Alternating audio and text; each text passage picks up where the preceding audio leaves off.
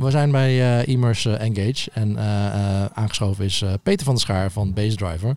Peter, vertel even, wie ben je, wat doe je? Ja, ik ben Peter, oprichter van Base Driver. zelf 41 jaar oud, een jaar of 20 werkzaam, allerlei online functies. Ja. Basedriver bestaat nu vier jaar, is marketing automation software, e-mail marketing. We werken veel voor bedrijven die abonnementen verkopen. Dus uitgevers, okay. banken, goede doelloterijen, dat soort bedrijven. En wij helpen ze om meer uh, herkenbare bezoekers te genereren. Dus wij uh, proberen, als je uh, een database hebt met marketingprofielen, die je bijvoorbeeld kan mailen, helpen wij om daar zoveel mogelijk maandelijks terugkerende bezoekers uit te halen, die je ook nog eens kan herkennen. Zodat als je online personalisatiesoftware gebruikt, dat je meteen bij de eerste klik al weet, oké, dit is hem. Zijn abonnement loopt dan af.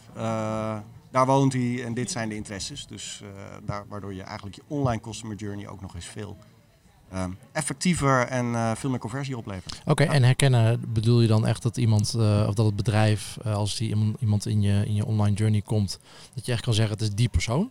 Of heb je echt gewoon, gewoon een, een schil van oké, okay, eigenschappen van, van wie nou, wat, wat, wat, wij eigenlijk doen, wij halen de marketingprofielen van de klant, die halen bij ons in de database, die schonen we op, die ondubbelen, zorgen dat je een nette zeg maar, relatie hebt met uh, alles wat iemand heeft. Uh, veel van onze klanten zijn uitgevers. Die hebben vaak verschillende merken. Nou, wij houden bij welk merk uh, ben je lid van of ben je lid van geweest? welke content heb je geklikt in de e-mail? Waar zijn je interesses? Ja. hoe groot is de kans dat je opzegt? Proberen we te bepalen met, met bijvoorbeeld machine learning. En het moment dat die klant klikt naar de website, dan kan de online personalisatiesoftware bij ons al die gegevens ophalen, zodat je meteen uh, spot on zit. Uh, met wie is die klant? Uh, zit hij al lang in zijn abonnement? Hoef je hem, ga je hem content aanbieden? maar loopt zijn abonnement bijna af, dan bied je een verlenging. Nou, zo proberen wij te zorgen dat je die hele online customer journey vanaf het begin af aan al meteen weet met wie je te maken hebt. zodat je ja, veel meer resultaat eruit kan halen. Ja, en vanmiddag sta je op het podium hier bij, bij Immers met Maaike van Ruitenbeek. Ja. dat is jullie klant. Ja, ja, ja, dat is een van onze klanten. Vertel, waar gaan jullie het over hebben? Ja, wij gaan het hebben over... Uh, Maaike is uh, werkzaam als manager abonnementenwerving bij Hearst Magazines. Dat is uh, internationale uitgever. Het is een van de grootste internationale mediabedrijven ter wereld. verantwoordelijk voor titels als Cosmopolitan, Elle, Vogue, Runners World. in Nederland ook Quote. Um, zij gaat vertellen over hoe zij een customer journeys hebben ingericht. Uh, met behulp van onze software. Maar met name uh, het bedrijf is in Nederland ontstaan uit een aantal overnames. Ze hadden veel uitdagingen op het gebied van data, datakwaliteit, ondubbelen. Uh, dus met name het traject van hoe zorg je nou voor bewustwording over de data. Hoe zorg je ervoor dat de kwaliteit goed is. En hoe zorg je daarna voor dat mensen zelf aan de slag gaan met het bouwen van customer journeys. In plaats van dat het ergens een plannetje is, maar dat hè, de redactieleden, eh, de marketeers er mee aan de slag kunnen. Ja. dat is met name waar zij heel druk mee is geweest. Dus uh, waar we het vanmiddag over gaan hebben. Okay. uiteindelijk werkt het pas als mensen het zelf gaan doen. Dat is een beetje het uitgangspunt wat wij hanteren. Het heeft geen zin om software neer te zetten en dan uh, te zeggen, nou, als er drie mensen in de organisatie zijn die het snappen. Nee, het werkt pas als iedereen content levert, uh, uh, iets met data doet, campagnes maakt, dat je dan gaat het echt leven. Dan ga je ook resultaten eruit halen. Oké, okay, dat ben ik wel benieuwd. Wat voor, wat voor skillsets moet zo'n organisatie dan in-house hebben om die software uh, te kunnen gebruiken? Nou ja, vooral ehm, kennis over hun product en hun dienst. Dus wij proberen de drempel om technisch met de software te werken zo laag mogelijk te houden. Sterker nog, wij doen mee in een programma waarbij kinderen van zeg maar VMBO-scholen in aanraking komen met bedrijven die leren we de software en na een dag, uh, of na een halve dag kunnen die allemaal een nieuwsbrief maken in Basedriver. Dus wij proberen de technische drempel zo laag mogelijk te houden, ja. zodat zoveel mogelijk mensen het gebruiken. Een uh, andere klant van ons, ook een grote uitgever, die hebben 100 mensen die allemaal in Basedriver zelf campagnes maken. Hè, terwijl ja, traditioneel gezien hebben die 100 marketeers een wens en die geven het dan aan bij een e-mailmarketeer. En die e-mailmarketeer heeft het heel druk, dus van die 100 wensen worden er misschien 20 uitgevoerd. Ja. Nou, als mensen het zelf kunnen, ja, dan gaan ze veel meer doen. Ja. Dan gaan ze veel Kans op data is groter. Ja, tuurlijk. Weet je, als je meer gaat doen, ga je meer data genereren. En als je meer data gaat genereren, kan je relevanter worden. Hè? Maar het begint erbij dat mensen het zelf moeten kunnen doen met een zo laag mogelijke uh, drempel. En betekent dat dat, dat zeg maar, jullie software of oplossing 100% op e-mailmarketing is gefundeerd, zeg maar? Dat is de manier om bezoekers te herkennen, et cetera? Of? Nou ja, je hebt verschillende manieren om bezoekers te herkennen natuurlijk. Uh, maar het grootste gedeelte is e-mailmarketing. Uh, Wij werken ook met uh, bijvoorbeeld direct mailings. En dan kan je met vouchers werken om mensen te herkennen. Wij zijn wel een outbound software. Ja. dus wij sluiten eigenlijk aan op je inbound software. Maar wat wij doen is zeg maar communiceren met mensen en zorgen dat als ze daarop reageren, dat je ze dan kan herkennen. Juist. Ja, ehm, het grootste gedeelte daarvan, zeg maar 95% van alle communicatie die we uitsturen, is e-mail. Want ja, het is super rendabel. Ja. Eh, we hebben klanten die uh, zeg maar 75% uh, uh, profile to visitor ratio hebben. Dat is een beetje waar wij mee rekenen. Dus als je 100.000 mensen in je database hebt, heb je 75.000 maandelijkse bezoekers. Ja, en dat kost ze anderhalf cent per klik. Ja, als je probeert dat soort bezoekers maar eens binnen te halen via Google of via, via andere kanalen, dat kan gewoon niet. Hè? Ja. Dus, dus het verreweg het grootste wat wij doen is, is e-mail. Ja, precies. En als het zo laagdrempelig mogelijk is voor de organisatie, um, dat betekent dat er zo snel mogelijk veel data, veel learnings. En dat betekent dat Ja. de organisatie als geheel, als het goed is, ook dus snel verbeteringen kan maken in, Ja. eh, in, in alle facetten eigenlijk. Ja, zeker, zeker. Kijk, als je veel gaat doen, kijk, wat wel zo is, wat belangrijk is, we hebben een aantal business rules hè, voor contactdruk en wie je mag benaderen. Dus je moet, het systeem zorgt er wel voor dat je niet mensen tien keer per week kan mailen. Want dat is natuurlijk het risico wat je loopt je het voor iedereen openzet, weet je wel. Eh, dus er zitten wat, eh, wat, wat grenzen aan waarbinnen mensen eh, werken. Dat gaat helemaal automatisch. Maar vervolgens ja, ga je veel meer doen. Als je veel meer gaat doen, ga je veel meer leren. Ja, en dan wordt je organisatie ook veel slimmer. Ehm, in plaats van dat die kennis bij drie mensen zit, waarbij je ook nog het risico is loopt dat ze na een jaar weggaan. Weet je wel? Dus hoe, hoe breder je het in je organisatie hebt liggen, hoe eh, effectiever en hoe duurzamer het is voor je organisatie. Doen jullie dan ook die personalisatie on-site? Of, of geven jullie gewoon Nee. informatie aan, aan wat voor tools dan ook on-site eh, aanwezig zijn om die personalisatie te doen? Nee, nee, wij doen wel de personalisatie in de e-mailuiting. Mhm. Dus eh, e-mails worden persoonlijk samengesteld. Eh, we hebben klanten die echt tienduizenden verschillende varianten van e-mails hebben. Omdat we gewoon kijken welke content wat past bij welke persoon. Ja. Om zoveel mogelijk kliks te genereren. Maar de online personalisatie, daar heb je gewoon andere software voor. Ja. Dus eh, er zijn natuurlijk heel veel pakketten, eh, zeg maar DNP's, die die online personalisatie heel goed kunnen regelen. Dus onze taak is een herkende klant af te leveren.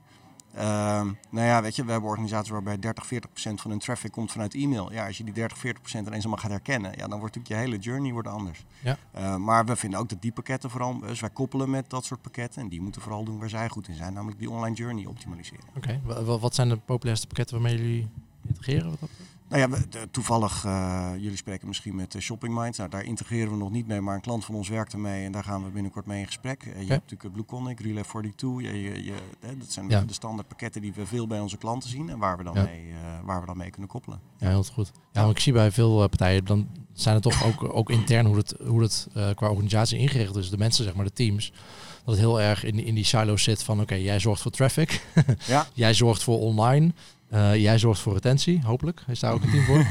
Eh, maar inderdaad, dat, dat blijft nog wel vaak steken in die teams inderdaad. En ook, ook qua KPI's dat ze hebben van, oké, jij- jullie zorgen voor traffic. Eh, ja, we hebben voor traffic gezorgd. ja, ja, maar traffic is ook nog wel traffic, weet je. Er is nog wel verschil tussen Ja, wat, wat voor soort bezoeker haal je binnen Ja. en wat is de waarde van zo'n klant en hoeveel heb je ervoor betaald. Ja, Ja, dus je- integratie is heel belangrijk. Ja, ja, het is heel belangrijk dat je gewoon ehm, eh, de, degene die uiteindelijk eindverantwoordelijk is voor het resultaat zich ook bezighoudt met waar ook- haal ik maar kwalitatief goede traffic vandaan. Ehm, hoe zorg ik ervoor dat, eh, hoeveel euro investeer ik daar en hoe haal ik daar ook rendement op? Dat is ook de reden dat wij veel met mediabedrijven eh, werken, want die zoeken natuurlijk allerlei verschillende manieren om businessmodellen te maken op traffic. Die hebben vaak traffic, maar goed, eh, abonnementenverkoop is niet de enige poot. Ze hebben ook advertentieverkoop. ze zijn allemaal op zoek naar modellen voor betaalde content. En eigenlijk al die modellen die worden effectiever als je de klant herkent. Dus Ja. ongeveer de helft van onze klanten is, zit in de mediahoek. Sterker nog, eh, van de zeg maar 270 tijdschriften in Nederland gebruiken er 85 Base-driver eh, inmiddels. Nou, Dat is natuurlijk best cool. We bestaan vier jaar, weet je wel. Ja. Dus eh, dat is heel gaaf. Maar dat komt omdat die allemaal op zoek zijn naar dat soort Ja, modellen. ja. Ja, ze zoeken allemaal naar modellen die uiteindelijk gebaseerd zijn op het herkennen van je klant en dan weten wat je hem aan moet bieden. En meet jullie tool dan ook ehm, de, de conversies en de waarde van een bezoeker en dat hij zo terugredeneert naar nou ja, wat is waardevol, waar kunnen we misschien dingen optimaliseren? Ja, we plaatsen clicktags. Ja? Nou moet ik wel eerlijk zeggen, dat is ook, daar ben je natuurlijk ook afhankelijk van hoe goed die implementatie is bij een klant. Hè. Dus dat Ja. gaat bij de een, eh, dat zullen jullie vast ook herkennen, bij de een eh, gaat het allemaal een stuk beter Ja. dan bij de ander. Maar eh, in feite proberen we bij iedere klant die clicktekst te plaatsen, zodat we inderdaad meten wat de omzet is die er uiteindelijk uitkomt. Ja. En wat, ehm, eh, wat de conversie is, zodat je ook daar een waarde aan kan hangen. Ja, je kan natuurlijk wel zeggen, we kunnen goedkoop verkeer aanleveren, maar wat jij net ook al zei, je, je hebt er pas wat aan als het ook echt verlengingen oplevert. Hè? Of, eh, of nieuwe aanwas of, of cross-sell tussen verschillende merken. Weet je? Dat Ja. zijn de dingen waar onze klanten natuurlijk heel erg mee bezig zijn.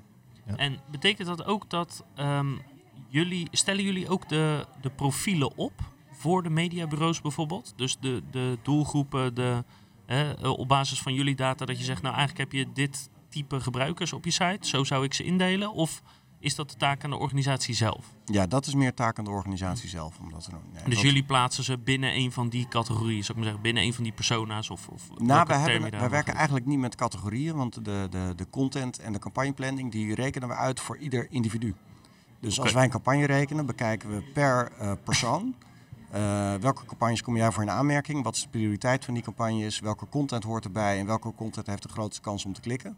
Dus voor iedereen kan je individueel een andere. Het kan best zijn dat de campagne die ik nu krijg, jij die volgende week krijgt.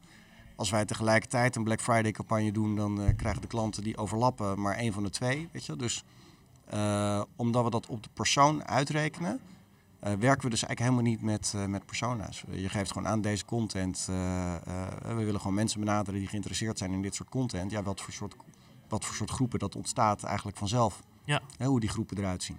Maar dat betekent wel dat het dus helemaal aanbodgedreven is. Dus de, de, eh, de media, eh, me- mediabedrijf zegt, wij hebben dit als aanbod, plaats het bij een goede gebruiker. Maar het is Mhm. dus niet andersom dat jullie software ook eh, helpt met, hey, dit presteert goed, kunnen we daar niet meer van aanbieden?